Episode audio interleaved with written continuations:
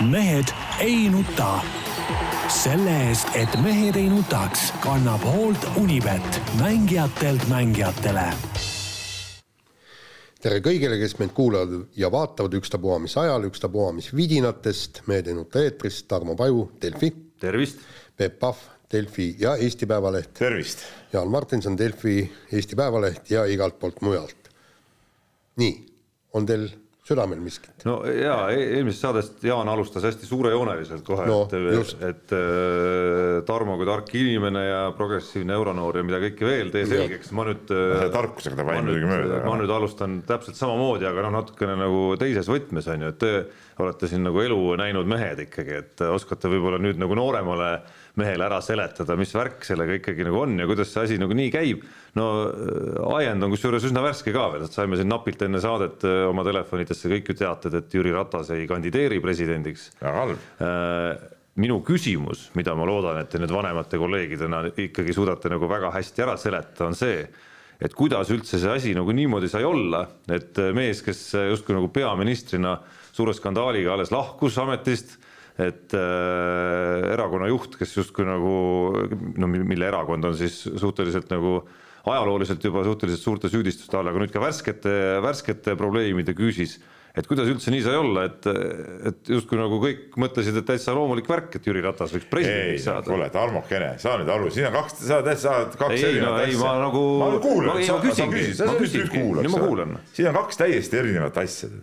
hakkame kõigepealt sellest pihta, et president peaks olema rahva tahe.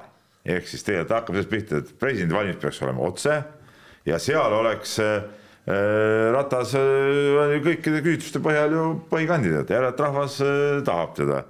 Ja, ja, ja nii ongi, tähendab kõik need siuksed paika pandud ametnikud nagu praegune president on, see nagu noh, see ei ole nagu õige, eks ole, peaks olema ikkagi, et rahvas hääletab ja, ja nii on, see on esiteks, teiseks, kui me räägime nüüd sellest eh, erakonda puudutav, president on ju erakonnaväline, tema ei ole. see on küsimuse üks osa, Peep, et kuidas saab olla, et eh, ühe suurema erakonna üks juht Jaa, saab olla nii. üks põhikandidaat aga arvestades seda, kui mõttetu koht on presidendi äh, amet, siis mina sinusuguselt äh, teravalt žurnalistilt, eks ole, kuigi sa oled nagu tagasi tõmbunud ajakirjandusest ja oled sihuke tehniline mees, meid rohkem tahad olla, siis tegelikult mina näeksin sind parem äh, hoopis žurnalistikas.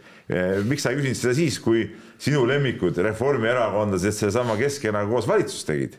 ma ei näinud sind nagu plakatiga seal äh, Stenbocki maja ees äh, protestimas selle vastu, et kuidas te võtsite äh, siukse korrup-, korruptiivse partei oma, oma valitsusse. ei no mis jamad, me isegi siin saates sai räägitud sellest, räägitud, see on see suuga teen suure no linna jaa, kärbseid, jaa. miks sa ei olnud seal no protestimas? sama hästi ma võiks küsida, sina, kes sa oled kõva tõrvikuronkega fänn, sa pole ühelgi käinudki oma elu sees. no sellepärast, et minul on äh, selleks kuupäevaks teistsugused äh, ütleme traditsioonid.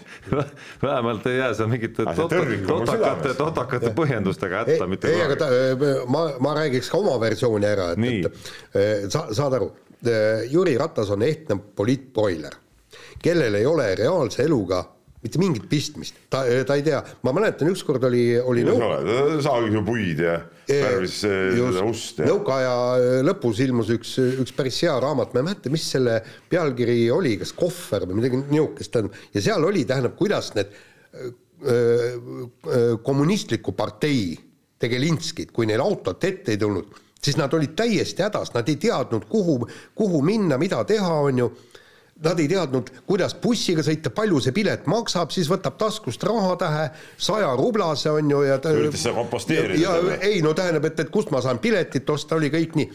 ja, ja, ja sellepärast noored ei mäleta, ma vahepeal segan vahele, pileti ost oli vanasti käis niimoodi, et see raha anti niimoodi käest kätte edasi, siis pandi ühte masinasse, siis sealt keerati välja sihuke, sihuke, siukest tuli vaata see sihuke lint nagu, see oli pilet, eks ole.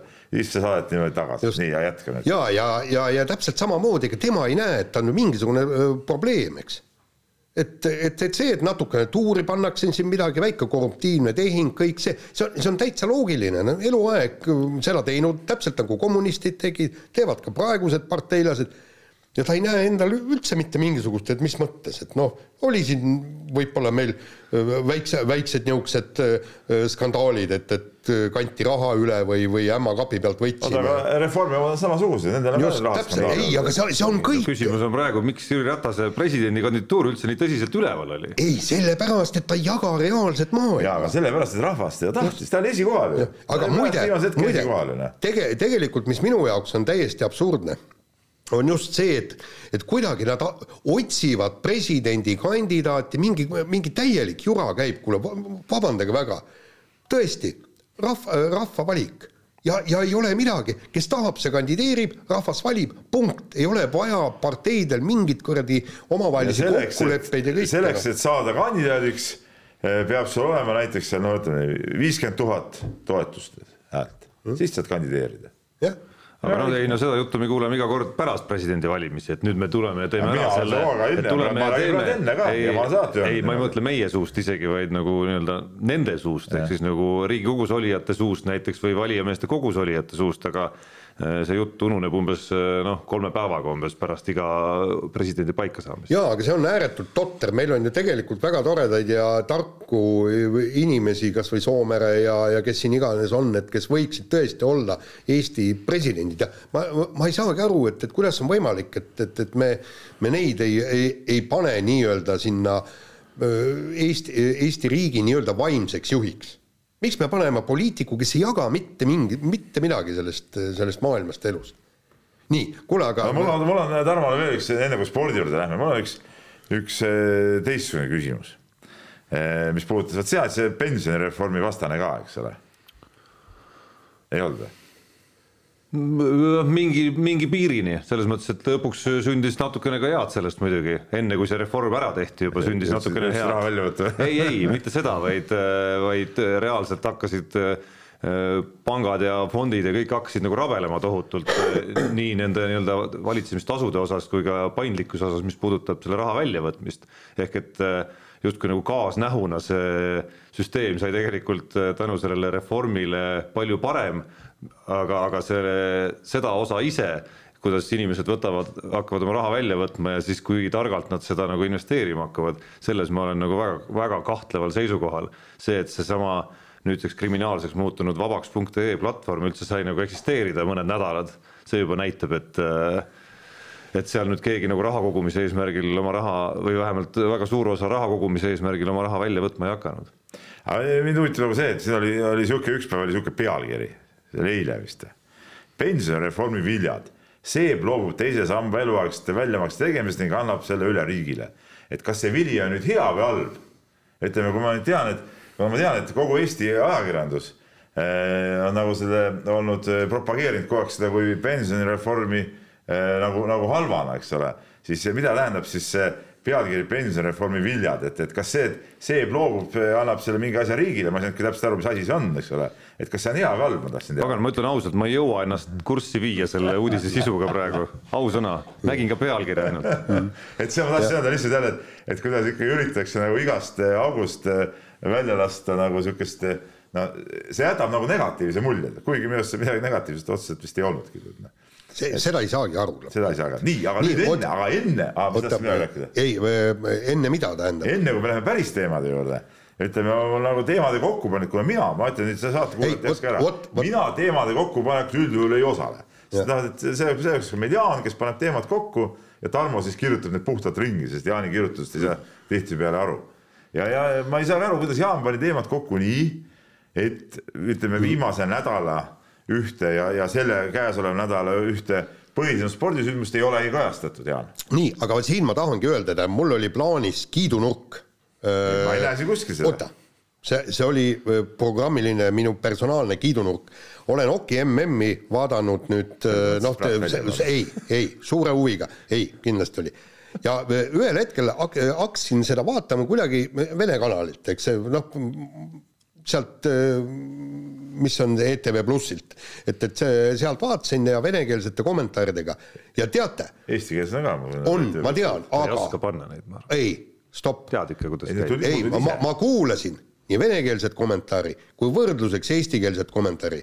soovitan venekeelset kommentaari, ta on sedavõrd asjatundlik, sedavõrd täpne, seal on ikka täiesti spetsialistid, nad jagavad seda mängu, neil on äh, ajalugu teada, neil on praegune see hoki ajalugu, see, see, see oli täpselt, seal oli eile, eilses Rootsi mängus äh, kui, kui nad rääkisid, äh, kes oli, see Raakelist või kes, ja vennad lähevad, et kaks aastat tagasi ta oli kõige resultatiivsem, siis ta mängis nii ja nii ja nii ja nii ja ka nüüd me koos kommenteerisime seda matši kaks aastat tagasi, aga nüüd ta ei ole niivõrd efektiivne, sellepärast et ja, ja, ja tõesti põhjalikud analüüsid ja siis kuulasin Eesti omad, niisugune kiljumine ja karjumine sealt, et oi, noh, tead, et mööda sisse, tead, kõik nii. ja aga mitte mingit põhjalikkust ega analüüsi, soovitan vene pealt kuulata. soovitan no, tõesti südamest vene pealt kuulata. see on väga tore. Jaanile ei meeldi emotsioon veel toredam on ei, ka neil on äh, emotsiooni. nagu mu vanaema juba, kes äh, on üheksakümnendates ja ütleb, et et nagu telekas võiks saatejuhid aeglasemalt rääkida natukene, et muidu ei saa nagu aru hästi kõigest. ja ei, aga ma, ma, kui asi põhineb ainult emotsioonil, venelastel on ka väga palju emotsioone, aga, aga see nende, nende asjatundlik, asjatundlikud kommentaarid, need on jube head, aga jah, hoki mm. tahtsin tabelist ka rääkida, eile siis sündis ütleme niisugune no kogu see mm on üks, üks üllatuspauk teise otsa, eks ole aga eile siis juhtus selline lugu, et kui Rootsi lasi vist kaheteist sekundiga Venemaal visata kaks, kaks väravat ja. ja mäng läks äh, lõpuks äh, lisaajale ja, ja Pulliti seerias äh, Rootsi kaotas, see tähendas seda, et Rootsi siis ütleme, kaasaegse hoki ajastul esimest korda jääb veerandfinaalidest välja. Rootsi vist on tunamulune maailmameister, kui ma õieti mäletan. jah, et, et, et see oli ja kusjuures Rootsil ei ole mingi, et mis Rootsi mingi naljavõistkond, ei ole. NHL-i vendi oli seal omajagu, pluss seal mingid KHL-i vennad ja, ja täitsa, täitsa tipp-topp äh, võistkond, aga, aga, aga nii see on ja, ja teine, teine üllatuspauk on siis ootab veel täna, tänast päeva, et no on, on täiesti võimalik selline asi, et Kanada jääb samamoodi välja, et Kanada mängib täna Soomega ja kui Kanada nüüd äh, siit äh, punne juurde ei saa, siis kaotab näiteks, siis, siis nad on ka väljas mängust kusjuures hämmastab mind täiesti see Soome meeskond ja, ja hämmastas juba eelmine aasta, mäletad MM-i eel materdati no tähendab eelmisel MM-i eel materdati ju see Soome koondis täiesti maatasa, seal oli vist ainult, oli kaks NHL-i venda. Ja, ja. ja ülejäänud kõik koduliigast ja kuidas te lähete nihukese satsiga sinna peale? palun väga, maailmameistritiitel tuli. ja, ja nüüd on, seis on umbes sama parimaid mängijaid ei ole neil kohal ja kõik. Ja, ja mängivad noh, ma ei ütleks, et nagu kulda, aga, aga, aga mängivad, mängivad hästi. Ja mis selle MM-i puhul nüüd praegu see seis on, on see, et ega ei oska kedagi ennustada äh, võitjaks, tähendab, okei okay,, ma arvan, et mõni suur hokimaa võtab ära, aga Šveits mina ütlen praegu nii, et, et juhul, kui Kanada ei saa nelja hulka, siis on kaks suursoosikut ikkagi Venemaa ja USA, sest et ütleme ütleme, need on mänginud ikkagi väga okeid mängu. ja, ja siis imeb Soome, Soome kuskilt välja. esimest korda tulid uued mehed NHL-ist veel juurde ja, ja, ja, ja, ja väga hästi ja, ja USA on mänginud ka ikkagi ikkagi väga-väga head hokit. Äh, ja, ja aga tegelikult äh, üks sats, keda ma olen äh, noh, põgusalt ainult näinud, on, on Šveits ja Šveits võib täiesti kaarte segada. Šveits võib kaarte segada jah ja. ja aga no mina isiklikult olen loomulikult suur Läti, Läti pooldaja, täna õhtu siis ma soovitan kõigil vaadata siis kakskümmend 20 viisteist vist oli see mängu algus, Läti-Saksamaa, et, et selle paari eh, võitja pääseb igal juhul nelja hulka, et tabeliseis on selline, et ja no Läti on tegelikult mänginud ikka suurepärast hokit ja seal on see sama peatreener siis, kes Omski avangardi viis Gagarini karikavõitjaks ja tal on, tal on äh, see standi karikavõit ka tagataskus olemas, nii et, et Bob Hartley, et, et väga-väga-väga vinge et juba see treeneri pärast tasub nende poolt olla ja lätlaste poolt tasub alati olla, ükspuha, on siis korvpall või, või jäähoki.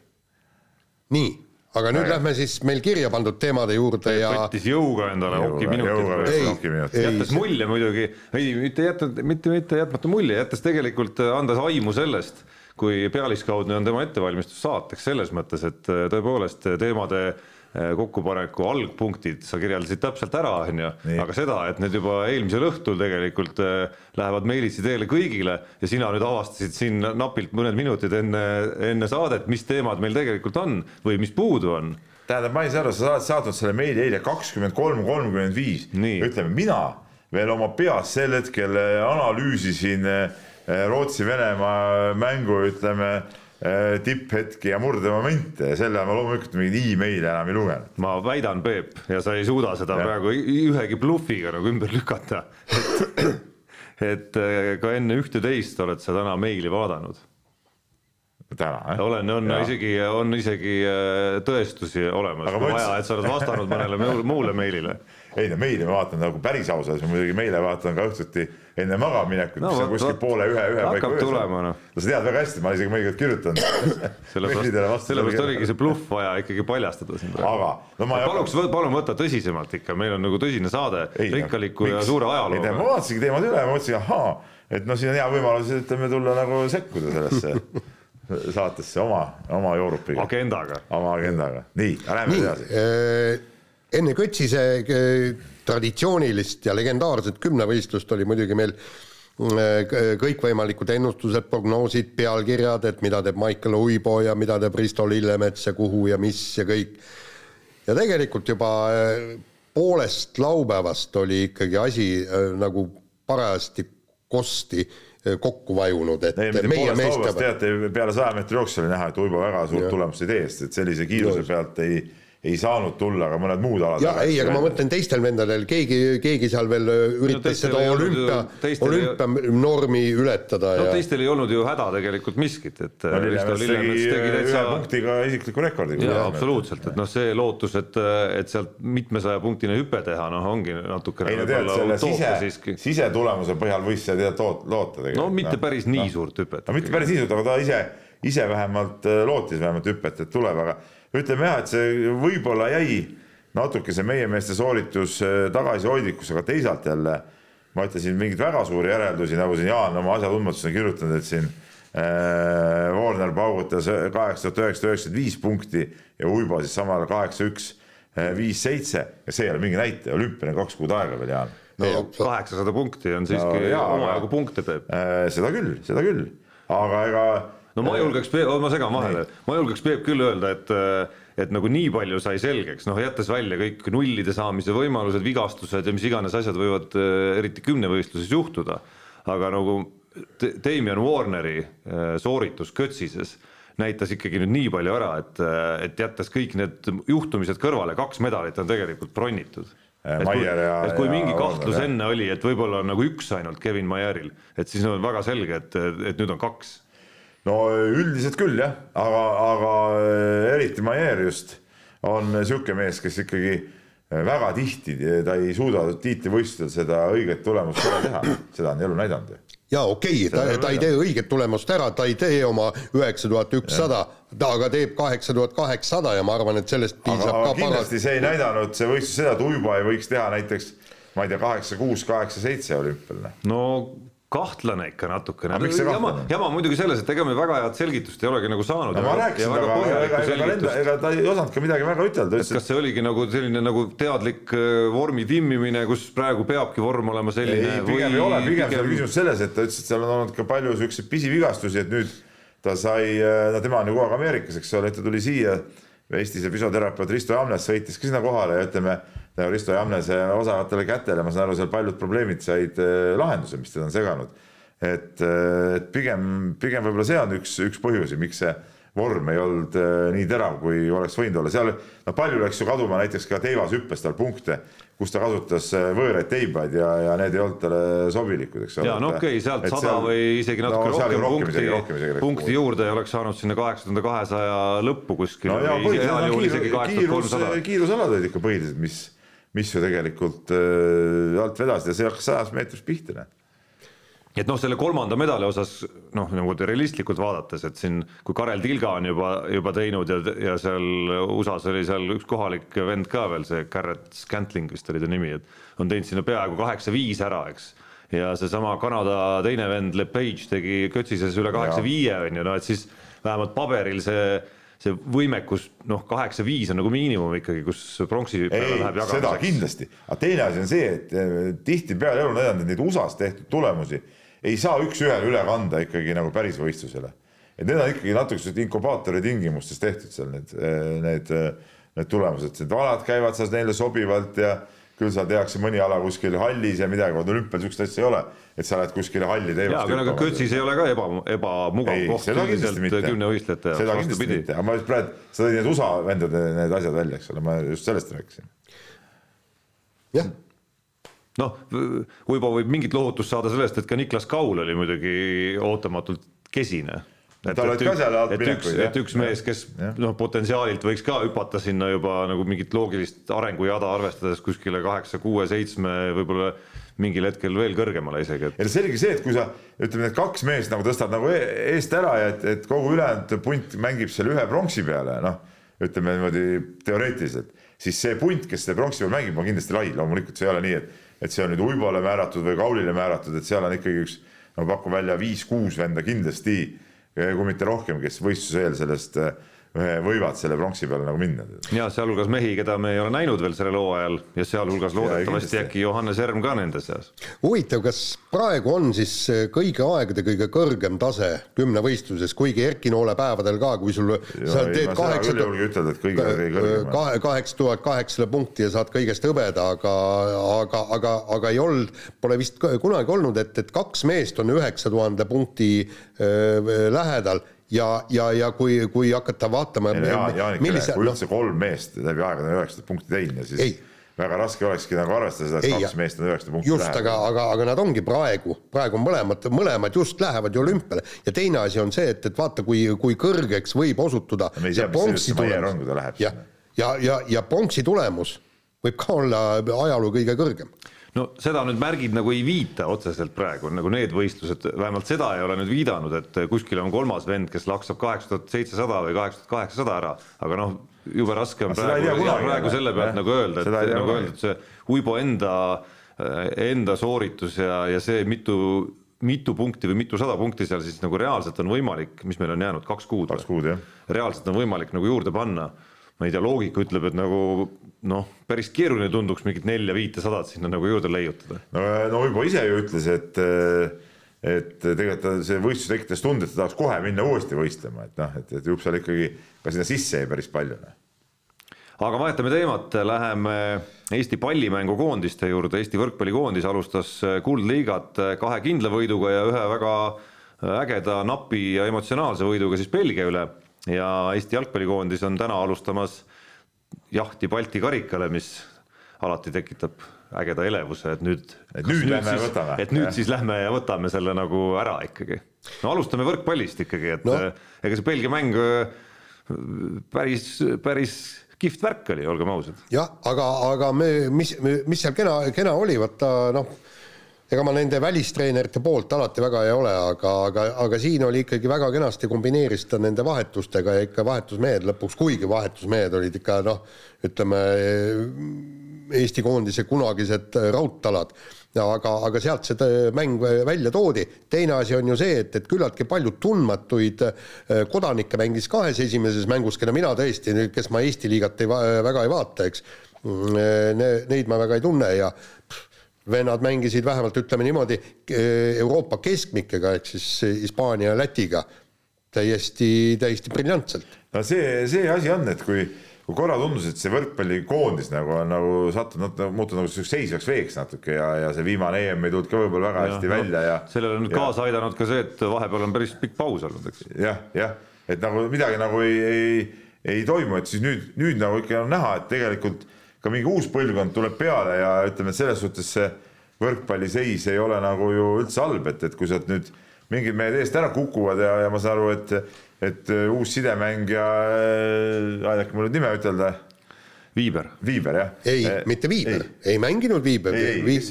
Belgia mängu lõpus küll mängis. ei, Ei, aga see Belgia lõpus, aga see kaks esimest, jaa, noh, kaks esimest mängu üks teine mees oli, minu jaoks ka täitsa, ma tunnistan ausalt, ma ei ole võrkpalli väga palju nüüd ka seda kodust jälginud, et, et et äh, see mängis ju äh, väga hästi nagu ütleme, et et kas Toobalil ongi seal ütleme esisidemängija koha peal äh, kohta või, või, või Jaa. kuidas neid asju lahendama hakatakse EM-i eel, et see on ka päris huvitav vaadata, tead noh. no ärme nüüd ruttavast ette ei, ikka, ma usun, et muidugi, aga ma ütlen, et see konkurents on seal sees nagu olemas, no see on nagu hea ju noh. ja meil on ju kogu aeg, me, meil on ju põhiküsimus oligi, et kui Toobal lõpetab, et kes siis hakkab olema, eks just täpselt. aga nüüd selgub, et, et meil on kaks niisugust venda, kes, kes, kes võivad selle töö üle võtta kenasti.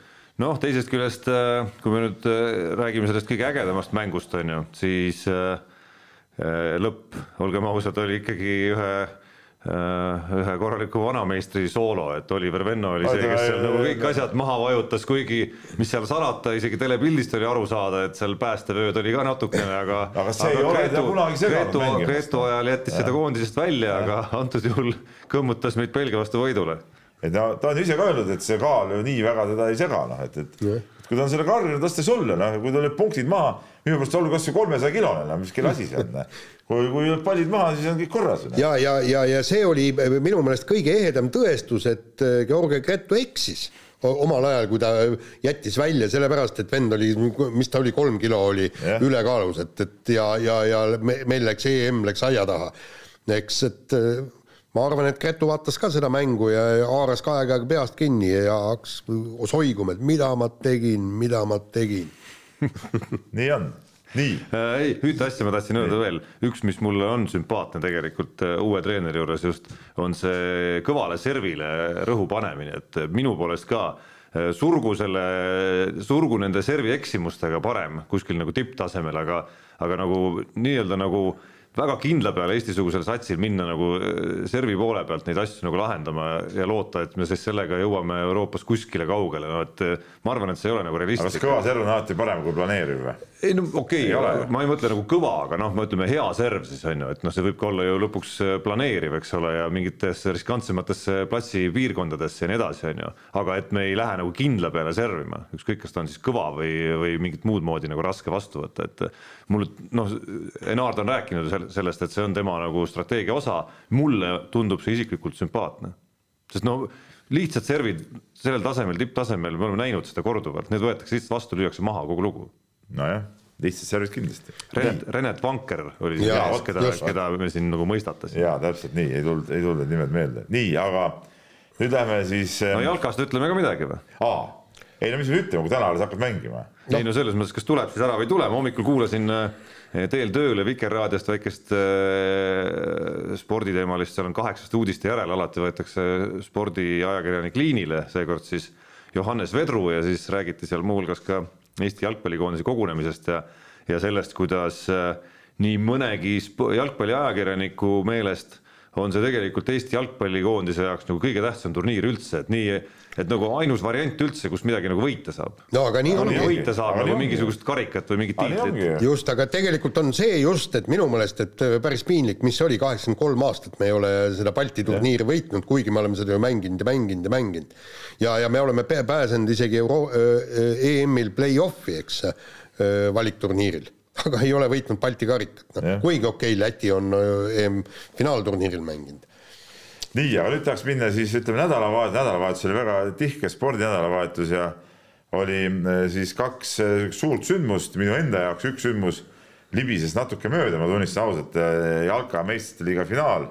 Oli selline lugu, et mul käisid laupäeval külalised, tulid kell kolm juba ja tegime väiksed joogid lahti ja, ja nad läksid ära kuskil noh, kümne paiku võib-olla.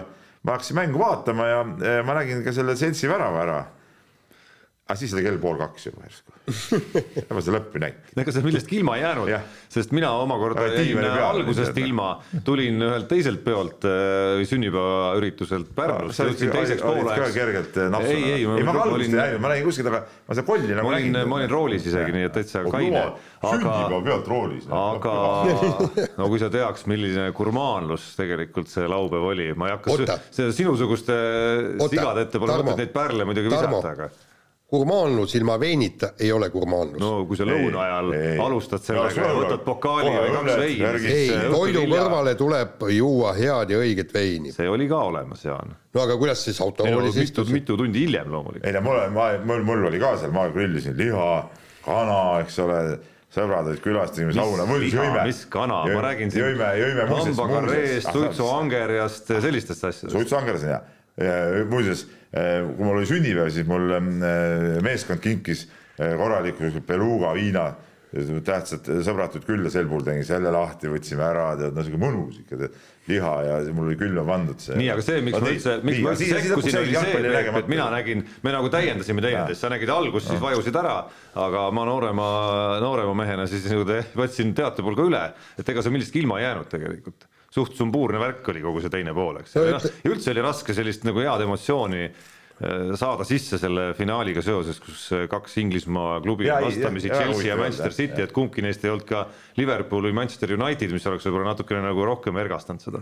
jaa, aga vot see, vot seal ongi see jalgpall, ta on tõesti jalgpallispetsialistidele, kes päevast päeva seda vaatavad, neile oli kindlasti huvitav vaadata, eks, et kuidas see Chelsea kaitse oli ja kuidas nende keskväli töötas ja, ja kõik, kõik niisugused asjad, aga, aga need on nüüd niisugused hetked ja momendid, mida mina võib-olla tõesti ei oska nagu nagu jälgida, ei tea neid mängijaid ja kuidas, kas ta mängib paremini kui tavaliselt või, või kehvemini kui tavaliselt ja, ja see, siit on alati, olen nendel puhkudel toonud siis selle võrdluse pesapalliga, üks vingemaid mänge üldse, kui, mida vaadata, on see, kus ühe meeskonna ükski lööja ei saa pallile pihta, sellepärast et söötja söödab nii hästi. ja siis äh, need, kes oskavad pesapalli vaadata, näevad, kuidas selle söötudega varieeritakse, kuhu söödetakse ja kõik muud niisugused asjad, aga kes pesapalli äh, tõesti pidevalt ei vaata, see on täiesti tühi mäng. jaa, no kõige vingem vana kahtlemata kogu selles, kogu selles ürituses oli siis Chelsea peatreener Toomas Tuhhel, kas te vaatasite,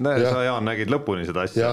suutsid nagu olla mees, kes ikkagi nagu täisprogrammi ära tegi, et noh, sihukest, sihukest emotsioonipommi ma pole näinudki vist kunagi, kunagi seal nagu see mees oli seal lõpusirgel. Ja noh, kogu see tema tulek Chelsea'sse ja ja alles sai nüüd kinga teisest. täpselt, et noh, see on olnud nagu äge lugu tegelikult, et ja. väga sümpaatse mulje jättis ja suutis oma emotsiooni olgem ausad, siiski nagu kuidagi õiges suunas suunata, et kui me nüüd teemat vahetame, siis Aa, peame tõdema no, vist, peame tõdema vist, et, et üks mees ei suutnud ja, päris. ei, ära hakka tulema tähendab, ütleme see korvpalli Euroliiga nädalavahetus on muidugi see nagu vägev, vägev, eks ole.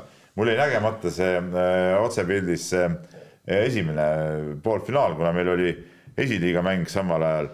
teist mängu vaatasime, meil oli siis esiliiga äh, ütleme peale mängu siis hooaja lõpusaun ja väike istumine. bankett, bankett jah, ja siis vaatasime, vaatasime seal ja. professorid ja, kõik. ja professorid ja, ja kui hakkas viimane rünnak, siis ma ütlesin kohe poistele. Higins paneb ära ja võttis ja panigi ära, noh, noh asja, asja peab tundma, eks ole. aga no tühjasest poolfinaalidest, no finaal oli ka vägev mäng tegelikult väga,, väga-vägev mäng oli.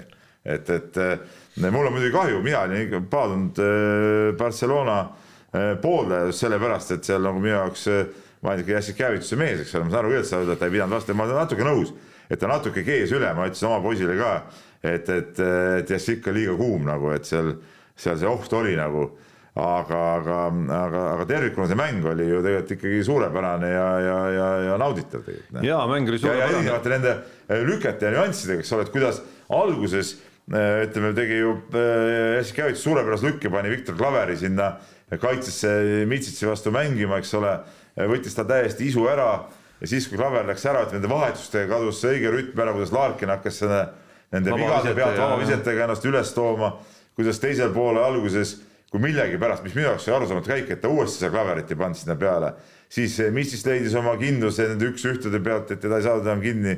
ja siis, kuidas ütleme, Barca veel, kes jäi vahepeal ju kümnega seal taha, tuli uuesti nagu veel mängu tagasi ja see lõpuloterii ja see kõik, et, et ei tegelikult see oli see oli, see oli suurepärane mäng ja. no Tibor Plassi käik oli ka täitsa tore, seal oli selline individuaalne väikene selline, selline kordaminek mehelt, kes veel kodulinnas mängis ka, et selline üliepisoodilises rollis. finaalis platsil ei käinudki, eks ole, tead ja täpselt, et noh, sellised väikesed nagu lookesed seal sees olid absoluutselt väga ägedad, mul, mul nagu isiklikus plaanis oli nagu noh, suht nagu viiskümmend, viiskümmend see sümpaatia on nagu kogu aeg olnud äh, nagu kõiges peaaegu, mis Euroliigat puudutab, võib-olla jah, Žalgiris vahel nagu äh, kerkib kuskile nagu rohkem esile emotsioonides, aga aga mingil hetkel oli ka see tunne, et noh, et no enne mängugi, et, et võib-olla oleks nagu tore, kui Jassikevitšus ja kompanii tuleks ja teeks selle nagu kohe esimese asjaga, esimese nagu katsega ära, aga ma ei tea, mulle jättis see tema esi, ülekeemine seal esimesel veerandajal ikkagi nagu natuke plassi mulje ja kuidagi nagu mängu lõpuks oli tekkinud see tunne, et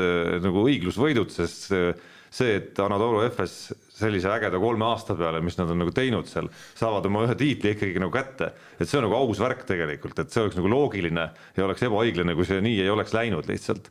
et see tandem äh, Vassiljev Mitšitš, Shane Larkin, noh, see on nagu nii pretsedenditult äge tandem juba taga minu arust, et et ma saan aru, Peep ei salli seda, et Peep ei salli seda, on ju, aga noh. mis siis on suurepärane, aga Larkin no, praktikas... ei mahu minu nende mängijate ütleme radarile no ma ütleks ikkagi, et näiteks kui panna kõrvuti ta Mike Jamesiga, siis see on no, nagu öö ja päev ikkagi, et selles mõttes, et mulle, noh, mulle väga suhtumist ja, ja kõike seda, on ju, ja noh, tänapäeval siuksed tüpaažid on sul vajalikud korvpallimeeskonnas ikkagi, kui sa tahad nagu suuri võite saada ja siis sul on kaks sellist meest veel.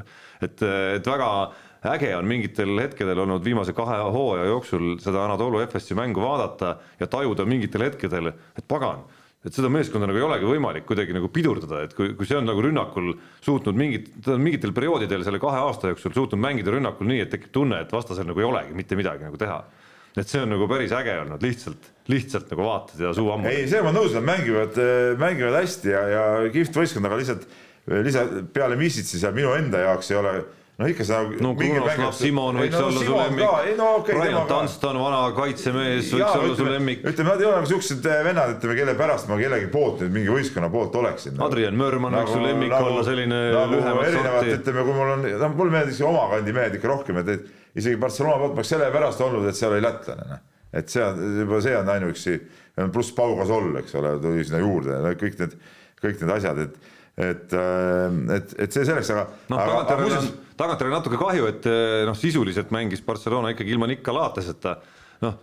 see vigastus ikkagi. see ikka mõjutas väga selgelt, et ta oli jah, nagu nii-öelda täitis kohta lihtsalt, et tuua pall üle ja võib-olla panna mingid asjad nagu liikuma, aga see oli ka kõik, eks, et see individuaalne teravus puudus ju täielikult tema poolt, on ju, aga tulles tagasi jah, selle alguse juurde, mulle jättis ikka, no terve see hooaeg on ju kui siin korvpalli podcast'igi kuulata, no Jassikevitšus siin eh, Eesti, siin Eesti analüütikutel ja, ja päris kõvadel analüütikutel, olgem ausad, on ju ka kõvasti hambus olnud ja, ja mitte ainult Eestis, et kuulata rahvusvahelisi podcast'e, siis samamoodi.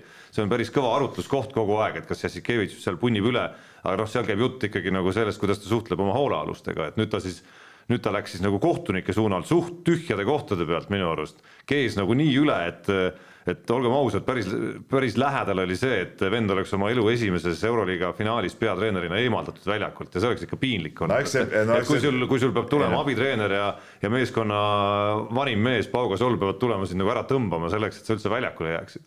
no vot, sul on hea lihtne rääkida, et see oleks sul piinlik, et oleks seda noh et eks sa katsu ise niisuguse pinge all seal seda asja ajada, tead. ja aga noh, see oligi väike see... märk, et tal on ikkagi üht-teist õppida ka, et nii lihtsalt ja kiiresti ei tule need asjad. kindlasti on tal õppida ja kindlasti ega see Barcelona küll arvata küll, et, et noh, et õudne kokku ostetud kõva tiim, eks ole, aga, aga näed, ega need mehed ka, võta sama see Mirotic, eks ole, tead, õudne staar terve hooaja, aga nii kui play-off ideks läks, tead noh Äh, olid nii-öelda nagu ütlevad klassikud, püksid olid äh, pruunid kogu aeg, eks ole. no poolfinaalis oli siiski hea ja, ja finaali teisel poolel no, ka. ei no see oli juba sihuke noh, seal natuke mõned asjad pani ära, aga tegelikult siis, kui vaja oli, teda ikka ei olnud nagu võistkonnaks olemas, ma lugesin, tegin täna seda lehelugu ja vaatasin ka, mis äh, igal pool kirjutati, eks ole, et, et tema sai ikkagi, ikkagi ka Hispaania meedia poolt ikka väga kõvasti, kõvasti kriitikat ja no Eskavitsus ka, minu arust Eskavitsus tegi paar paar asja tõesti võib-olla mul endal olid ka üllatused, et et kui oli näha, eks ole, et Galates ei saa ju tegelikult mängida, eks ole.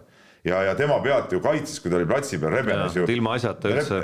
ilma asjata, tal oli ju see Ungari poiss, noh. Hanga. Hanga, Adam Hanga oli, oli olemas, eks ole, kes läbi hooaja mänginud tegelikult täitsa korralikult ja, ja oleks saanud, ütleme, teda hoopis kasutada seal rotatsioonis ja, ja ma arvan, et et oleks nad selle kaitse saanud, saanud kõvemaks, lõppkokkuvõttes Barcelona on ju kaitsemeeskond, eks ole, aga neid, ütleme, Missitseid ja Larkinid nad ei suutnud ikkagi kinni keerata, nii see oli ju tegelikult võti, eks. ja no teisel poolajal ikka ulme, ulme sooritus, mida need kaks meest tegid. tulid ka siuksed, et noh, nagu ei saanudki nagu sisse minna, aga ikka läksid sisse, eks ole.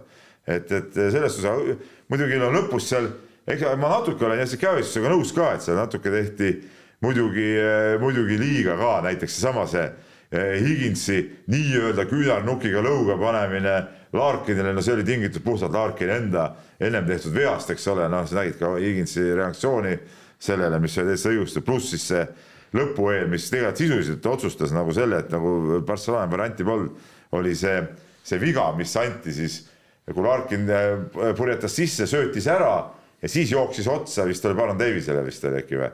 Äh, või Brandon Davisele tähendab, et, et, et, et Davis oli siis niimoodi kandadega natuke kaare sees, aga enam ju palli ju Larkinil polnud, et kust need vabavisked sealt tulid talle et noh, siuksed nagu, nagu, nagu totrused nagu mängisid ka seal natuke rolli ikkagi. no samas poolfinaali lõpus natukene aidati neid minu arust jälle, et jäeti Higginsile üks äh, väga ründaja veamaiguline koht nagu ära võtmata seal käsi ees. seda ma ei mäleta, seda ma ei mäleta. see enne seda esimest korvi, mis ta, üks kahest oli lõpus tal tuli seal, nii et noh, et seal natukene oli võib-olla jälle teistpidi ka, et. aga mida tahtsin no, veel ütelda selle äh, kui ma eile tegin äh, seda lugu, mulle see, see Ataman jättis siukse, siukse omapärase mulje nagu tead noh et mis sa arvad? ei, ta ongi väga omapärane. on väga omapärane vend, et ta mõnes mõttes mulle nagu meeldib, tead treenerina ta ei ole mulle väga sihuke võib-olla väga sümpaatne, aga oma kuju, ma oma, nagu ma ütlesin ka poisile, et et, et ta on siuke räme vend tundub olevat. no ta on siuke Andres Sõbra ja Peep Pahvi eh, stiili natuuri mees vaieldamatult. et, et, et selles suhtes ta on nagu lahe, aga mis mulle nagu,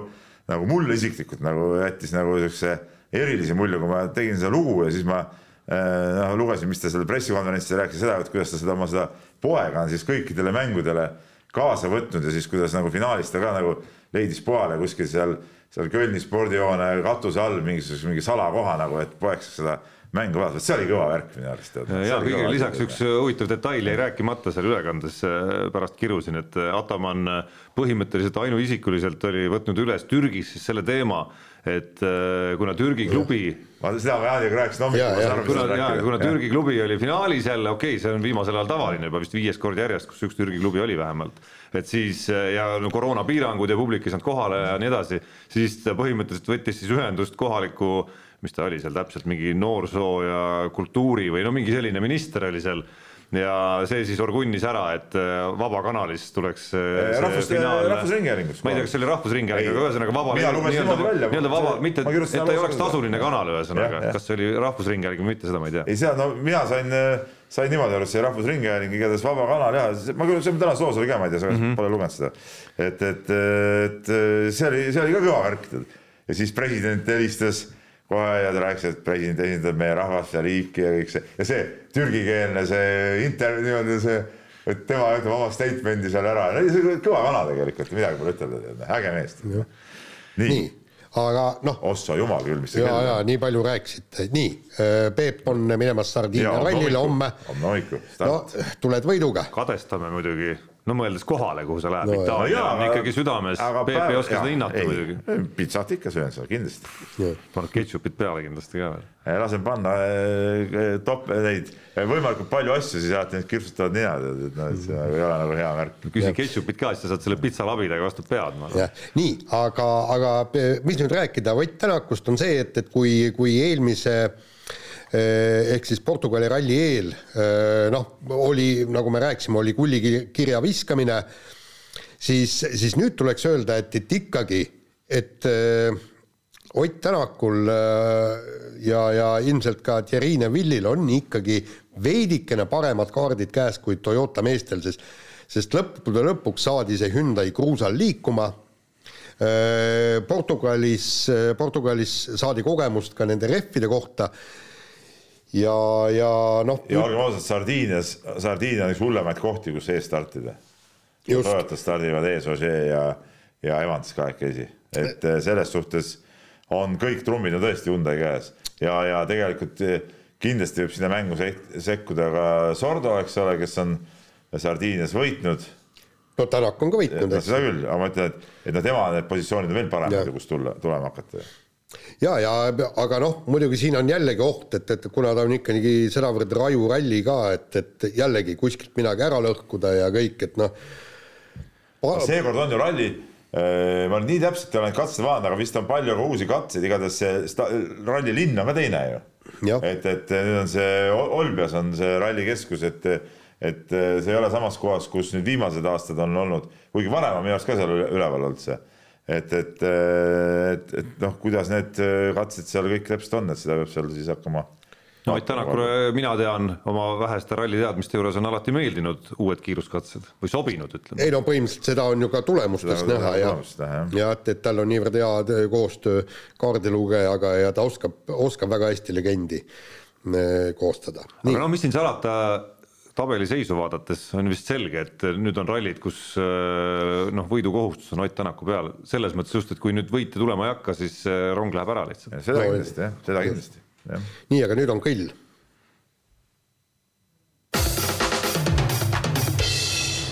Läheme kiire vahemängu juurde, mis peakski olema tegelikult Teeme ka kiire. jah, jah. jah, Eesti, Eesti krabab endale kergejõustiku tiitlivõistlusi ja, ja tohob ime, kaks tiitlivõistlust, juunioride EM ja, ja U kakskümmend kolm EM toimuvad Tallinnas. no see juunioride EM ehk U kakskümmend EM pidi nagunii toimuma, et see Just. oli, see oli kogu aeg teada, aga kuna kuna U kakskümmend kolm pidi toimuma vist äkki oli Norras. Norras, ja jah. norralased ei saa seal oma nende koroonareeglite põhjal seda tehtud ja ja seda võistlust oleks nagu väga vaja, siis ähm, siis eestlased ise haarasid suhteliselt ka seda initsiatiivi, et seda võistlust siia tuua ja, ja kui see siin võimalik on teha, siis siis miks ka mitte noh, ta, ta on väga hea minu arust, see Ei, on väga on- hea. siin ei ole ühtegi, siin ei ole ühtegi detaili, seda siin oh, ei, ta ju on nii ja naa. ei, siin ei ole ühtegi detaili, miks ta, miks ta nagu paha oleks. just, kõik on väga hea, aga, aga ma kogu aeg mõtlen, et et kuidas siis see kergejõustik suudab tuua eh, siia tõesti aastate kaupa kogu aeg neid tiitlivõistlusi ja, ja, ja, ja te, tegelikult väga paljud teised alaliidud, kes võiksid ka siin üht-teist korraldada. Et kas juunioride on korvpalli korraldatud ka üht-teist, ma juhin tähelepanu, et sügisel on tulemas lausa võrkpalli EM-finaal. just, aga, aga see ongi erakordne, rohkem meil ei olegi ju korvpalli U kakskümmend EM on siin olnud. Ralli Estonia, Rally Estonia ei, aga no laskesuusa MK-etapp. tuleb kahevõistluse MK-etapp tuleb., aga, aga siin on teatud alaliidud, kes suudavad seda kõike, näiteks meil on jäähoki MM-i igast igasuguseid eh, gruppe ja vanuseid. ja no okei okay,, see on eh, noh, niisugune No see ei ole alaliidu sa nüüd leiad ikka, no näiteks on- võ- võtame vehklemine, meil on, meil on vehklemine tipus MK-etapp kogu aeg olnud. ei, ma räägin tiitlivõistlust, see ei, selles, siin isegi on iva küll. just Ma,, maalus, täpselt samamoodi ta. polegi olnud, eks ole, ei no ei muidugi ole, olnud. ei ole jah. kõikide nende aastate peale. aga kas Ei. maaduses mingi tõstmise ei, ei. EM on olnud, tõstmise EM Jaa, tõstmise EM on, maadluses on, maadluses on olnud need eh, väikse, väikesed mingi kadettide ja, ja, need tiitlivõistlused. aga, aga kergejõustik sa, suudab endale tuua. kahju, et staadionit ei ole, ma arvan, et muidu oleks no tähendab, suurt korralikku staadioni, kuhu saaks palju publikut paigutada, muidu võiks ju ka EM-i siia aga julgeks julgeks. Komsomoli staadion eh, nüüd praegu on remondis ju. et, et Ja seal seal, sinna, sinna saaks ju teha küll nagu normaalsed tribüünid suured aga. seal on vist viga see, et, et seal ei ole soojendusstaadionit kõrval. see on no. see probleem. selle saaks sinna jalkaplatsi peale teha ju No jalgpallurid ikka mängivad, kõik kohad on neid täis, tead noh, jah, siin Toomas Tammsaare pargis. muidugi noh. ei, seal ei saa, sinna on, ei kusjuures ma sinna on tehtud mingi söögikoht, kusjuures ma olen mööda sõites näinud. huvitav, kuidas see üldse sai sinna? Tammsaare pargis või? jah, ei, see on, see on ju see Janssoni, Jansoni koht ju, jah, hea koht pidi olema. ei ma usun, et ta on, aga Jah. kuidas see parki, kuidas see sai väga ilus soovitus. ma olen mõelnud kusjuures, kuidas arhitektuuriliselt väga kena, kõik tipp-topp minu arust ja ei, siis küll ei, ma ei näe seal küll ühtegi halba asja, väga maitsvad söögid pidid ka olema. aga, aga jalgpalli muuseas mängitakse, mängitigi vanasti metsas, me mängisime alati, kaks mändi olid siin väravaks, meil oli veel üks selline plats. Orissaares siiamaani ei mängitakse. no see on, meil oli üks sihuke niimoodi, üks värav oli siin onju, meil platsi oli mitu, aga teine värav oli sedapidi siin. ja siis mängisime niimoodi jalkat no., siin veel olid, ütleme põõsad ja männid ja, ja muud asjad kehastusid siis siuksed nagu veel statsionaarseteks kaitsemängijateks, no ja siis seal vahel mängisime mm.. sealt tuligi minu hea see keskvälja valitsemise oskus loomulikult. Ahah. eile muuseas, eile me no Kosovo sai nagu läbi ja meil on siuke mahalaadimise nädal, panime jalkat kuttidega, ma eile õhtul ka panin jalad siiamaani haiget, tead noh. tund aega mängisime, no ma niimoodi tõmbasin kõik niidid ära seal keskvälja ja siis ma käisin vahepeal kümme minutit väravas ka, noh, kaks supertõrjet, supertõrjet, eks ole, üks tuli sihuke sihuke kõva löök oli, jalaga tõrjusin ja teine oli niimoodi, et ääre pealt anti tsenderdus ja siis mees sai löögile ja siis efektselt niimoodi käega tšah. noh, seal ei olnud isegi vaja Robinsonaadi teha lihtsalt, et tegin käega, tõmbasin ära selle palli. see on ka vist ainus Jube põhjus ma arvan, et see on ka ainus põhjus, miks äh, Peep ei ole Eesti koondises praegu Balti turniiril, et äh, noh, treenerid ei suutnud ei- lihtsalt ära otsustada, et äh, kuhu me ta paneme. Kas väravasse või keskväljale? ta on kõiges on nii hea Jah. no., nii keskel, kaitses, no rünnakul, no kindlasti ka tegelikult, no rääkimata väravast vot ma no.. ei tahtnudki minna, siis me mängisime vanad ja nooremad vanade poole peal, meil üks mees oli vähemuses, me loomulikult võitsime. Aga ma ei läinud sinna noorte, paar korda käin seal rünnakul, lõin kaks korda meelega posti, et nad ei tahtnud nagu väravaid lüüa tegelikult tead. ja no no viimases hädas, ma arvan, kui läheb finaalturniiri peale mänguks kuskil mingi otsustav, et siis, siis võib selle kaardi nagu välja võtta ikkagi, aga meie vahetame teemat, naaseme mehe juurde, kellest alustasime saadet ehk Jüri Ratast. meie noor reporter Märt Roosna kirjutas vahepealse nädala sees väga huvitava loo väga huvitavas formaadis sellest, kas ja kui jah, siis kuidas võiks teha seda, et kehalise kasvatuse tunde oleks meil kooliprogrammis siiski rohkem. Ja, ja täitsa toredasti tõi seal ka välja kohe pealkirjas siis Jüri Ratase sõnad aastal kaks tuhat kuusteist, kui ta kandideeris olümpiakomitee presidendiks, ehk siis, et kehalise kasvatuse tunde on kooliprogrammi juurde vaja. Ja kõrvale Jüri Ratase äh, tsitaadi eelmisest aastast, kui ta oli veel peaminister et kehalisi tunde ikkagi ei ole võimalik kuidagi kooliprogrammi juurde panna. ei no aga see ju näitab täpselt ju see, mis me alguses rääkisime. poliitikute värk, täna puhul siit, homme sealt. ja just täpselt, noh nagu, nagu need olid kõik need, kes olid enne kommunistid, siis järsku istuvad sealsamas Riigikogus ja sinimustvalged märgid rinnas ja kõik, et noh. ja kui hiinlased tuleks, siis oleks nad tõmbaksid nad silmad pilusse ja oleksid hiinlastega ka mestis seal. ja, ja absoluutselt õpiksid pulkadega söömise ja, kohe kes, selgeks. kes on äh, nii-öelda võõramaalaste ja võõraste vastu äkitselt püüavad vene hääli, eks ole, me oleme sinust rääkinud siin sinu meestest on ju. seal, nemad tuleb pöörata nagu Eesti konservatismi usku, tead näed, see on õige, see on õige käik. Siin sa nüüd jälle praegu lõikasid väga vabandan, väga vabandan ikkagi siin, aga ma üritasin kuidagi olla vaata niisugune teravmeelne ja, ja, ja ka nutikalt öelda midagi. ei tulnud välja praegu. aga tegelikult on ju see, et, et, et nagu me tõesti praegu näeme, praegune ühiskond on ikkagi jõudnud sinnamaale, et lapsi ei aja enam tõesti piitsa ega vitsaga.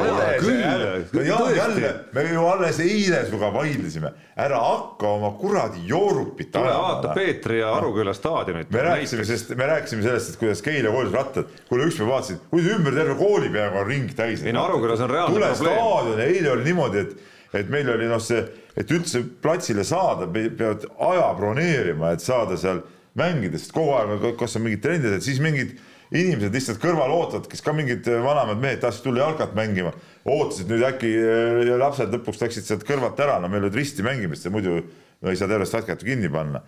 kogu aeg on peal, seal kõrval on see, see kõige totram asi, see multifunktsionaalne, see puur, eks ole, seal kogu aeg andmine käib, siis on seal kõrval välisväljakud, seal need eh, Crosspower, Crosspoweri vennad panevad kogu aeg ööd ja päevad, kogu aeg tegevust, mine terviserada, terviseradade Keila parkla, autosid pungil täis, discgolfi raja peal ootad tund aega järjekorras, et saad. Rulluisurada kogu aeg on täis. mis aga ei muuda, mis aga ei muuda minu arust seda, et äh, kehalist kasvatust võiks rohkem olla ja see, kuidas ta just kaob. aga et Jaan ei hakka oma seda joorumit ajama. ta just vanemates, kuidas ta vanemates klassides ikkagi nagu kahaneb lihtsalt sujuvalt, see ei ole okei aga ma räägin sulle, et Ära. need, kes teevad sporti, neid on tõesti, aga neid on kakskümmend, kolmkümmend, nelikümmend protsenti. sa räägid aeg kümme protsenti, nüüd juba nelikümmend juba. ei, ei, ma ütlen, kes vähemalt käivad kuskil seal, ma, ma pakun, ma tulen sulle vastu, pakun niisugust suurt protsenti, eks et äh, aga, aga, aga kõik see ülejäänud kuuskümmend protsenti, nad ei liiguta ju ennast. ise teavad, mis teevad, noh. no jaa, aga. No kus see sinu liigutamine on? no mina käin vähemalt ikkagi oma tunnikese poolteist käin ikka iga päev veel ja käisin ka taaskord jälle. sa eile väita, et kõndimine ei annagi ju seda, et see ei lähe nagu arvesse. ei, sel juhul, kui sa tõesti kõnnid. miks ei lähe arvesse? ei Jaanil on mingisugune mingisugune teooria. peab olema, peab olema liikuma või tähendab, mõõdetakse äh, liikumist keskmise või suure äh, koormusega ja kui sa tõesti jalutad. ei no ei ole nii, inimese on... tervisele kõige paremini mõjub kindlasti paremini alla keskmise see koormus kui üle keskmise suur koormus, mis nalja teeb? liikumine peab olema, sul peab tõusma pulss ja teine asi. isegi aeglaselt käies tõuseb pulss, isegi aeglaselt käies tõuseb pulss. no mitte oluliselt. ei, sul mitte loomulikult. muidugi, ta kõnnib kiirelt. tal on kolmkümmend seitse on tal rahu. ei, aga siis ei ole ju tegelikult, siis ei ole ju tegelikult probleeme, siis ju liiguvad kõik siis liiguvad ju kõik, kõik inimesed ja lapsed piisavalt. laste, ma ütleks, ükskõik mis vanuseklassi lastele kuluks seesama kasvõi see kõndimistund ära, et isegi no kõndigu kasvõi seal äh, tund aega või see kolmveerand tundi, mis see tunni pikkus on seal. ja lapsed, kui sa võtad, kui sa võtad lasteaias. GPS-id on sees ja. praegult lasteaias lapsed on ju terve päev õues kogu aeg ju. terve päev on õues ju. nojah, aga siis ei ole probleemi. aga, no aga miks nad siis rasvuvad?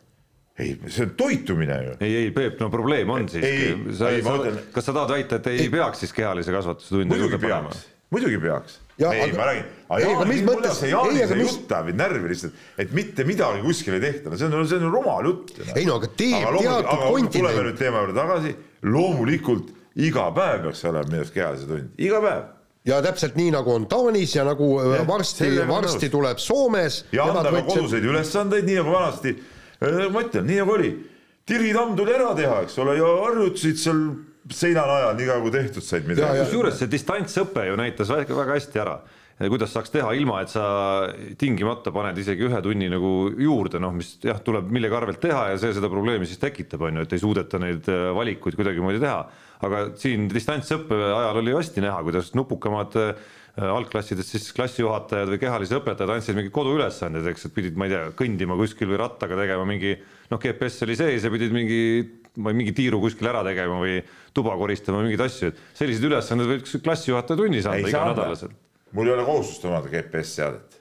no okei okay,, GPS, no tegelikult sa tead, et kõigil on olemas, see on ju, nutitelefonid on taskus kõikidel. aga mul on nuppudega telefon. okei okay,, no sa lähed mingisse detaili, aga teoorias niigi, kasvõi niimoodi saaks anda selle ühe lisa kehalise tunni, ilma et see oleks reaalne ei tund. muidugi see, ei noh, saaks anda ka koduste ülesannetena, noh No absoluutselt. koduste ülesannetena, väga lihtne, no see, okei okay,, no see sinu oma ka jah, kodune ülesanne, aga aga jaa, aga teine asi on ka see, et, et sa pead mingisuguse teatud asja nagu selgeks õppima seal, no selleks sa peadki ja tegutsema. mina nüüd võtan mütsi maha kõikide nende õpetajate ees üle Eesti, kes siin viimase aasta jooksul on igasugu siukseid ägedaid nutikaid lahendusi koduõppe vallas välja mõelnud. sest näiteks omal Müts ajal siis, kui ma olin ju kehalise õpetaja, meil oli ju see äh, võimlemiskava, noh, tähendab, mis, millega käidi siis algklassidel, millega käidi siis äh, nii-öelda rajoonivõistlustel, eks, nii, aga loomu-, võimlemiskava oli mul Ei. asjas ajas närvi, võimlemisveerand Ei, et isegi kui sul on ei, kaks ei, aga seal, seal oli algklassi lapsed, teine, kolmas, neljas klass ja see loomulikult pidid kõik selle kava selgeks õppima ja, ja sa ei kulutanud tunnis aega. sa näitasid selle kava ette, nad na, natuke tegid nii kaua, kui neil meelde jäi, kuidas seal on tirelid kõik nii ja edasine ülejäänud õpe käis ju No, kodus. kodus- kodus, jah, ja, ja siis nad tulid äh, kuu aja pärast ja tulid, näitasid ette, panid hinde, korras. et ma ei tea, ma, ma ei ole uurinud, minu teada ma ei ole kuulnud küll oma lastelt ja ma ei ole näinud kunagi e-koolist näiteks, et seal oleks midagi sellist, aga noh, ongi kodune ülesanne, isegi kui sul on kaks kehalist nädalas, kodune ülesanne ka on seal juures, Ja mis võibki tähendada, et sa pead, ma ei tea, käima nelikümmend minutit äh, sörkjooksu tegema. jah, jah, nii, aga äh, lähme edasi ja Gregor Sirk siis alistas ühe sajandikuga olümpia A-normi ja tänu sellele pääseb siis Tokyo olümpiale, kui see olümpia ikkagi toimub. vastasel korral oleks ta pidanud äh, mänge telekast vaatama, sest Eesti Ujumisliidule on tähtsamad äh, finaalpunktid kui siis äh, sportlase tase ja ja ei oleks ta siis äh, saanud. ja ma, Martin Allik veel olid fina-, paremad punktid, Jah. kuigi ütleme, niisugune kohtade võrdlustase on Sirgil ikkagi parem olnud. ja, ja oluliselt parem ja teine asi on see, et, et kui Tsirk oleks saanud, tahtnud eh, oma aladel eh, sääraseid finapunkte teenida, ta, ta oleks pidanud olümpianormi alistama eh, ühel distantsil näiteks kahe sekundiga et need finapunktid tulevad eh, vastavalt sellele, mis on ala maailmarekord ja, ja nad on ikkagi jõuliselt ebaõiglased, aga tegelikult eh, Eesti ülihea meel, samas ma viiks selle jutu nagu sinna Gregor Sirgi üle lihtsalt. absoluutselt. Ja tegelikult millal meil mehed viimati A-normi ületasid, ei mäleta, tähendab, ütleme kaks olümpiat nad pole öö, ületanud, üle-eelmine olümpia oli siis Londonis oli Triin Aljand ainsana eestlastest öö, alistas A-normi. Ja nüüd on meil kaks, Kaks, Eneli ja ja- Jefimova ja Gregor Tsirk, kusjuures mõlemad on piisavalt noored, üks on neliteist, teine kakskümmend üks. Nii et hurraa, võtame järgmise teema ja äh, Daniel Usta jääb eemale U19 koondise mängudest jalgpallis, sest ei lase ennast äh, koroona tu- tuvastamiseks testida. ta ütles, et tema tahaks, nõudis vereproove, aga mingisuguseid orke ninna või, või kurku tema ei pane ja põhjus see, nagu mina sain aru, et see ei ole usaldusväärne, et see ei näita, kas sa oled koroonahaige või mitte. ja, ja isa kiidab takka, et, et mees näitab oma öö, vaimujõudu ja, ja rindu uhkelt ees ja põrgus ja jalgpall ja Eesti koondis, noh, vaba maa no vaba aga maa jah, nii, aga ma võtaks nüüd teisalt te,, teiselt poolt, sa oled võistkonnamängija. sinul on sinna või, võistkonda on ilmselt oma panus, kui sind on sinna kutsutud. ja, ja oma isekuse pärast sa jätad võistkonnakaaslased hätta. kas, kas see on okei okay või? no ikkagi vaba maa, et noh, kokkuvõttes kõige rohkem on ta ikkagi iseendale ju nii-öelda iseenda valikuid valikuid ja käekäiku muudab see. oleks tegu. kergejõustikuga ja, ja mitte teatejooksuga, siis okei okay.. aga kui on võistkonnavõistlus, Peep, kui sul põhimängija hakkab mingisuguse, mingisuguse tõesti niisuguse ebamäärase põhjusega, kindlasti ma läheks seda asja nagu ajama ja, ja selgitama ja, ja ütleme, prooviks selle ära lahendada, ma ei tea, kas jalgpallikoondise treenerid käisid selle isaga eraldi vestlemas või? ei oska öelda. et noh, mina leian, et ütleme, kui minul keegi hakkas mingit oma mingit udu ajama, siis ma olen küll käinud poistel kodus, mõni mees treenist ära läinud, kui see ära kadunud, ma olen läinud koju, istunud ma... maha, arutanud selle no ma asja. selles teemas lugedes tema isa selgitusi julgeks arvata, et ükski, mida sa, miski, mida sa talle öelnud oleks, ei oleks teda veennud siiski ringi. ei, aga, aga kui seal tema, ma kui oleks põhimõtted on sellised, aga ma oleks öö, rõhunudki sellele, sa oled meeskonnamängija, jah, sa oled meeskonnamängija ja, ja sa vead praegu meeskonda alt. ei sellega ma olen nõus jah, jah, jah. Kiire vahemängu lõpetuseks aga läheme Rait Ratassepa juurde, kes võttis ette uue katsumuse, kakskümmend maratoni kümne päevaga alla küm-, alla kolme tunni, kõik maratonid pidid olema, aga pidi selle siis ikkagi no üsna varakult tegelikult pooleli jätma, et seitsmes maraton et ei, ei, ei suutnud jaheda ilmaga sellise võimekusega ikkagi toime tulla. no ütleme, et, et tõesti, ega ilm oli tõesti vastik ja vaata, kui ta peab veel varahommikul jooksma hakkama, eks, et siis oli, meil oli Härmatis maas kaks päeva tagasi. ja, ja, ja ütleme niimoodi, et, et ikkagi, ikkagi see maratoni jaoks okei okay,, mingi pluss kolmkümmend ei ole ka õige, aga ikkagi niisugune mõnus ka- kakskümmend öö, soojakraadi ja kerge võib-olla seenevihm ja kerge jahutav briis, vot siis oleks hea. Jaan on nagu tavaliselt ikkagi väga nõudlik meie sportlaste osas ja nüüd miskipärast leiab vabandusi. ei, ma ei, aga ma mõtlen tõesti, et, et selle, see ei ole see ilm, kus hakata minu rekordeid tegema. sellest oligi valel ajal tehtud kõik see asi, noh. no just, täpselt, selge, ma olen nõus, valel ajal oli tehtud, noh. sest sama, sama me ei saa ju eeldada, et, et kergejõustikul, kui, kui, kui meil toimuvad nagu seal et läheb märtsis keegi kuskil tegema mingit tulemust. või, või, või siis tulemus see Staadion,, seal, sealsamas, kus Värnik võitis ju Helsingis, tuli Jah. maailmameistriks, kui paluvihma kallab ja on, sina olid vist seal staadionil seal olin. ikka lõdisesid ilmselt noh, ja, ja, ja mis me siis ootame seal maailmarekordeid või, ja mees tahab ju teha midagi erakordset. jah, nii on. nii, aga nüüd on kõll. Unibetis saab tasuta vaadata aastas enam kui viiekümne tuhande mängu otseülekannet. seda isegi mobiilis ja tahvelarvutis. Unibet, mängijatelt mängijatele Nonii, Nonii no eh, kas me läheks nüüd kirjade juurde? ahaa, Peep on panustanud ilmselt. mitte peale. vähe ja mitte vähe ja mitte ja, ja täie, täielik nulliring No, palun palun täielikku ettekannet praegu, sest meil on, see kõik on muusika meie kõrvadele, Jaan loomulikult. kuna ma täpselt, ma neid kõiki panuseid, ma siit ei saa ju otsi leida, ikka. panuseid üles, mina ei leia tähendab. no siis sa paluks täpsustada, sina ei leia. ütleme nii, no see, see Unibeti kodulehekülg, poisid, te kuulate mind ka Unibeti, tehke see kuidagi kasutajasõbralikumaks, noh. kus ma näen oma neid äh, No ma tean, nässu huvitav, kuidas mina leian? kus sa vajutad siin, noh, noh, näed, ma vajutan kõigepealt sinna peale raha peale või? ja Noh. siis tulevad, kuskilt peavad tulema minu no vot, minu ennustused, noh. Aga ta annab ju see täna esimene mai, läks juba eraldi kõik päevad läbi otsima või? mina ei mäleta, minu mis päeval oli. panused peaks seal olema kuskil. aa, no siis ära. No ühesõnaga, vahet ei ole. üldiselt see- see lehekülg on väga halb. vaatamaks, aga ma tean seda, et eh, kolm panust ja kõik nulli. ja summa on kakssada üheksakümmend, mis mul on jäänud alles. seal oli, seal oli, ma võin öelda, mis, mis vedas alt CSKA Kossu meeskond, mul olid mõlemad need korvpalli eh, poolfinaali olid pandud. no vastavalt sellele, nagu ma sooviksin muidugi siis mul oli äh, seal äh, hokipanus oli ka mingi rivina. ja ma ei mäleta, mis üks panus oli, igatahes, igatahes selle ma ka kuskilt äh, kaotasin, nii et kõik kolm kümne eurost panust ja kõik jooksid nulli. ja isegi Tarmo ei leia seda kohta, kus neid vaadata. midagi, sa oled siin nii bussi keeranud, et juba nagu nii Jaan, kas sul samal ajal on äh, ja no ütleme, mul on läinud paremini ja, ja panin hokipanuseid. ma näen siin, ma vahepeal segan, ma näen siin, et kakssada üheksakümmend koma kaheksakümmend seitse vaatab siit Peebu seda ma näen ise ka, aga, aga ma tahtsin neid, ei leidnud enam üles neid eh, panuseid, ma ei mäleta, mis üks panus mul üldse oli näiteks. Et Nii. no, Aine, ära lasta pistas, praegu otsid jah, et, et ma mõtlesin, et, et seal oli tegelikult palju hokimänge, kus, kus saaks panustada ja, ja, okei, ja no nii ettearvamatu, noh. ja ei, ei, ei, ei, ma sain, ma sain, ma sain päris kena kopika ja mul oleks äh, veelgi ke- kenam kopikas, mul oli, oli topeltpanus pandud, kui, et Soome võidab Taanit ja, ja pagan, nad mängisid viiki ja, Jah, ja siis, siis alles lisaaja viimased muuseas, muuseas see ma korraks hokile ütlen eh, ka, miks need panused hoki peale lähevad palju nässu, sest seekord erakordselt palju viigiga ja lisa ja võitudega mänge. nii, ja siis meie noor reporter Märt Roosna annab mulle teada, et Eesti-Belgia mäng ta, tasuks panna äh, Eesti peale.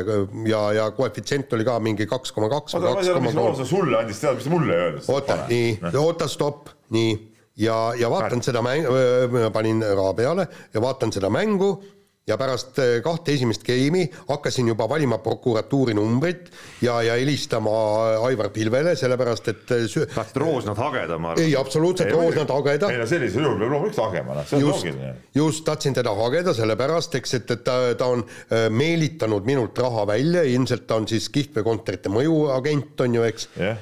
nii, aga siis ma vaatasin, et asjad hakkavad kulgema.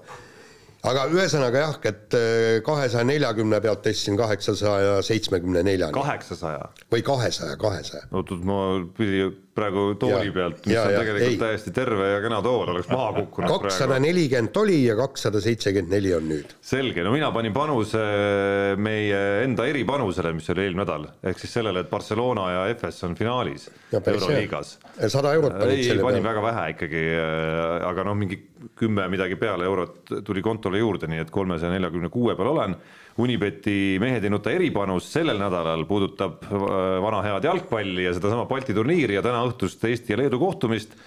ehk siis äh, mehed ei nuta eripanusena on võimalik Eesti peale täna panustada Eesti võidu peale siis koefitsiendiga neli koma null, nii et Peebule peaks see on No, juba, see- see on juba- jaa. peaks see juba väärtust pakkuma, lisaks on ja lisaks on äh, siin äh, meie Unibeti kontaktiga rääkides äh, sain teada, et väga huvitav mäng on neil jalgpalli EM-i eel, sest tundub, et nagu Peebule loodud on see mäng. nimelt üks niisugune mäng, kus on, kus asi käib selle peale, et kes suudab kõik EM-i tulemused nagu valesti ennustada, et et me jäime seal rääkima ja tundus, et see oli nagu täpselt loodud Peebu jaoks.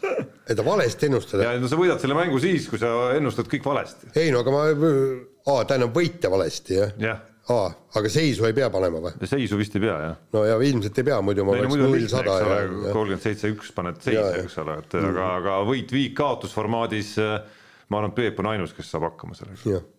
nii, Peep, kirjad. ja, ja ma ei vaata, siin on ka, mul hakkas praegu peas kummitama üks eh, jäähokirivi tänaseks veel. väga hea. sa paned Läti peale Saksamaa vastu ilmselt. ei no, ei no. Peep ei taha reeta siin. ma ei taha reeta, aga ma, ma, ma, ma võin ütelda küll, et suht kindel, võta korraks see koefitsient, Unibetsit on hirmus palju reklaami, selle eest võite küll see koduka korda teha. et selge see, et Kanada kaks koma kuusteist Soome vastu, no Kanada võidab selle mängu igal juhul. Need on vaja võita ja nad nii kõvad vennad on küll, nad võidavad selle mängu igal juhul. Ja kui siia juurde nüüd liita mõned veel näiteks, Tšehhi üks koma kaheksa, panna sinna juurde, siis tuleb kokku juba päris, päris normaalne koef, tegelikult võib sinna juurde panna veel ka ka näiteks Venemaa, Valgevene, see üks koma kakskümmend viis juba sellises rivis annab ka juurde päris mõnusalt No et, et, et, et nii on, nii, aga nüüd kirjad. ja kirjad on, kirju on meil nagu alati, alati palju. ja nii, siin on sihuke küsimus. Eno Astak on meile siis kirjutanud, see me igaühel on siin eraldi küsimused. et ähm, nädalavahetusel toimunud pallimänguliigade finaalide pusserdamise valguses on tal siis sellised tähtsad küsimused, kõigepealt küsimus Tarmole, et kas vahepeal närtsima hakatud entusiasm Luka Dontšitši ja Tallas Mäveriksi tegemiste vastu on tagasi tulnud? natukene on jah, selles mõttes, et midagi ei ole salata, see korvpall, mida NBA-st on võimalik vaadata play-off'i ajal, on ikka hoopis teine korvpall kui see, mida seal põhiturniiri ajal näeb. isegi ka see Luka Dontšitš, keda me näeme põhiturniiril, on teistsugune kui see, mida me näeme play-off'is, et noh, see nagu mängu tõsiduse astme vahe ja suhtumiste vahe on nagu nii metsik lihtsalt, et noh, eriti nüüd ajal, kus, kus need mängud on Eestis eestikeelse kommentaariga nähtaval kogu aeg ja üsna lihtne on sinna ka niisama peale sattuda isegi telekat klõpsides, eriti nädalavahetuse hilisõhtuti, et siis, siis on tulnud huvi tagasi küll, jah. Eno aimdus on vastanud tõele. nii, küsimus on siis mulle, et kuidas siis nii, et Aleksandr Ovetskin sai juba NHL esimeses ringis haledat lakki, üks-neli kaotus, siis Washington Capitals siis. miks mees ei liitu Venemaa koondisega, kas sellist tegu võiks kirjeldada sõna, sõnaga predatjatstva?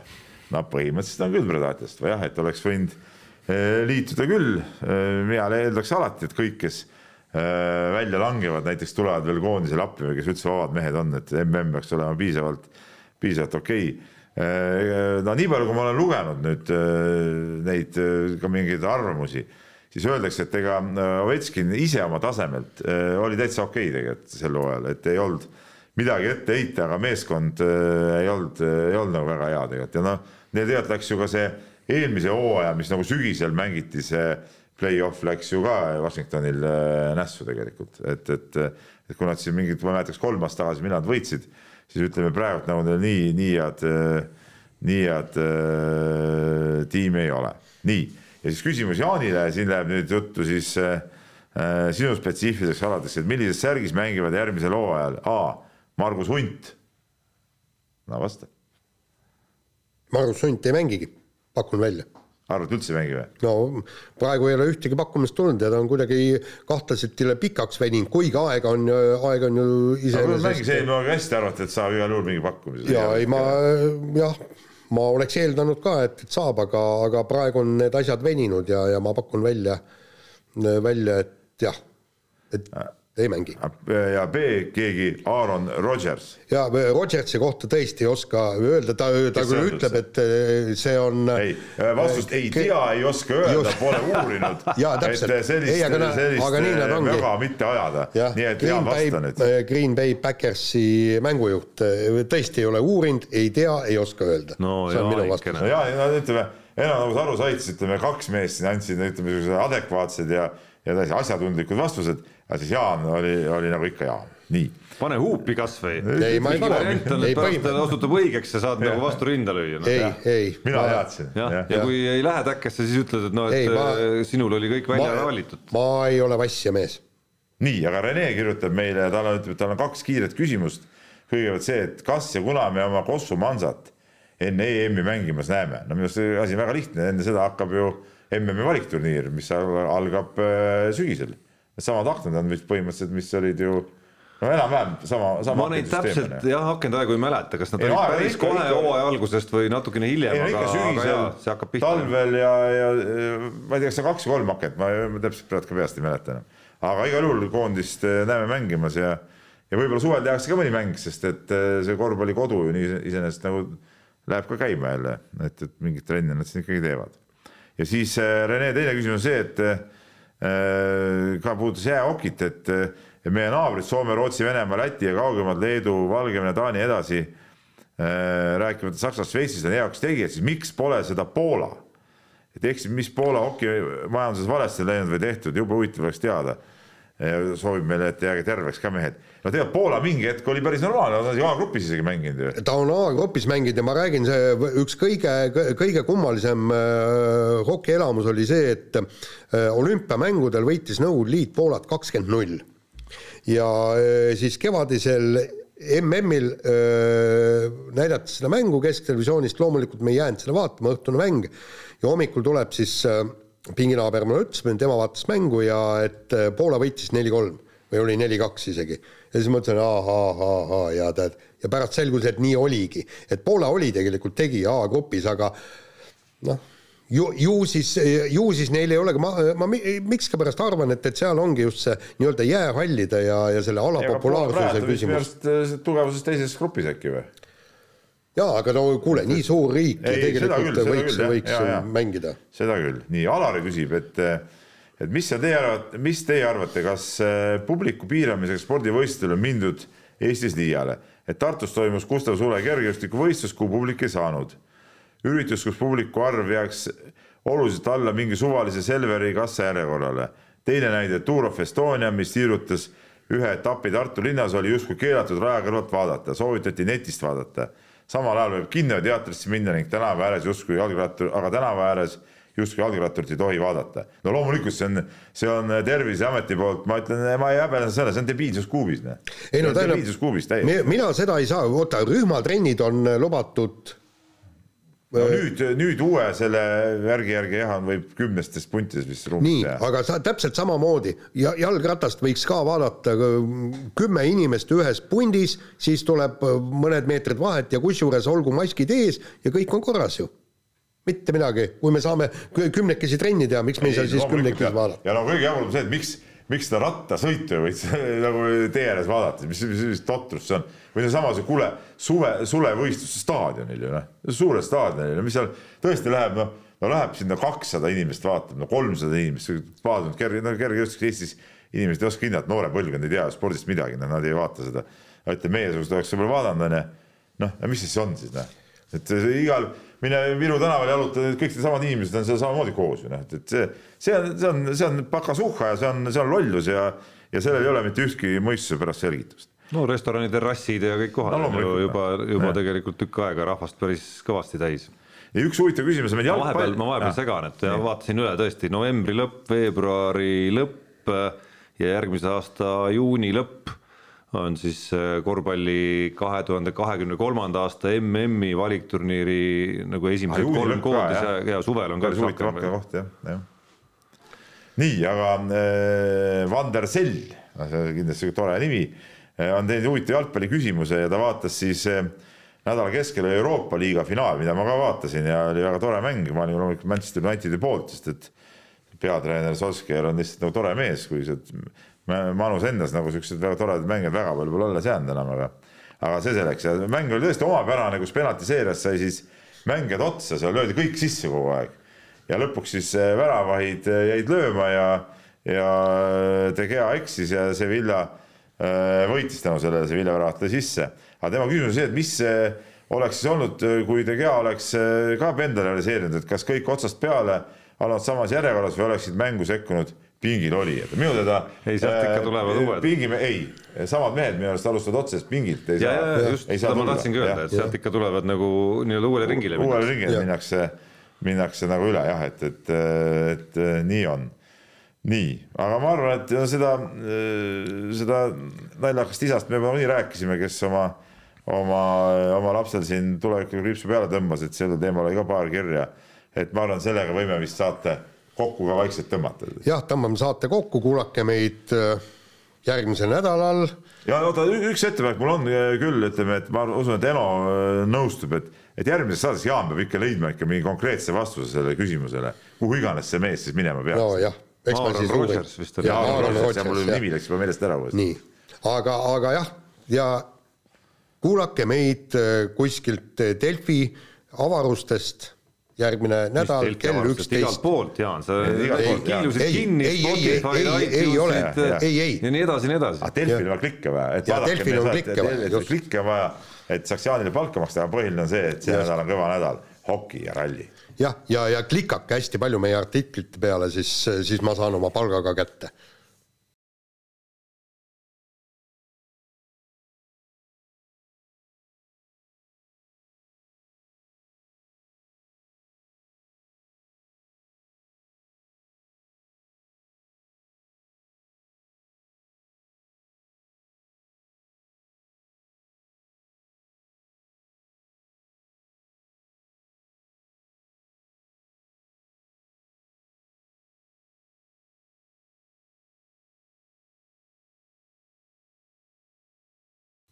mehed ei nuta. saate tõi sinuni Unibet, mängijatelt mängijatele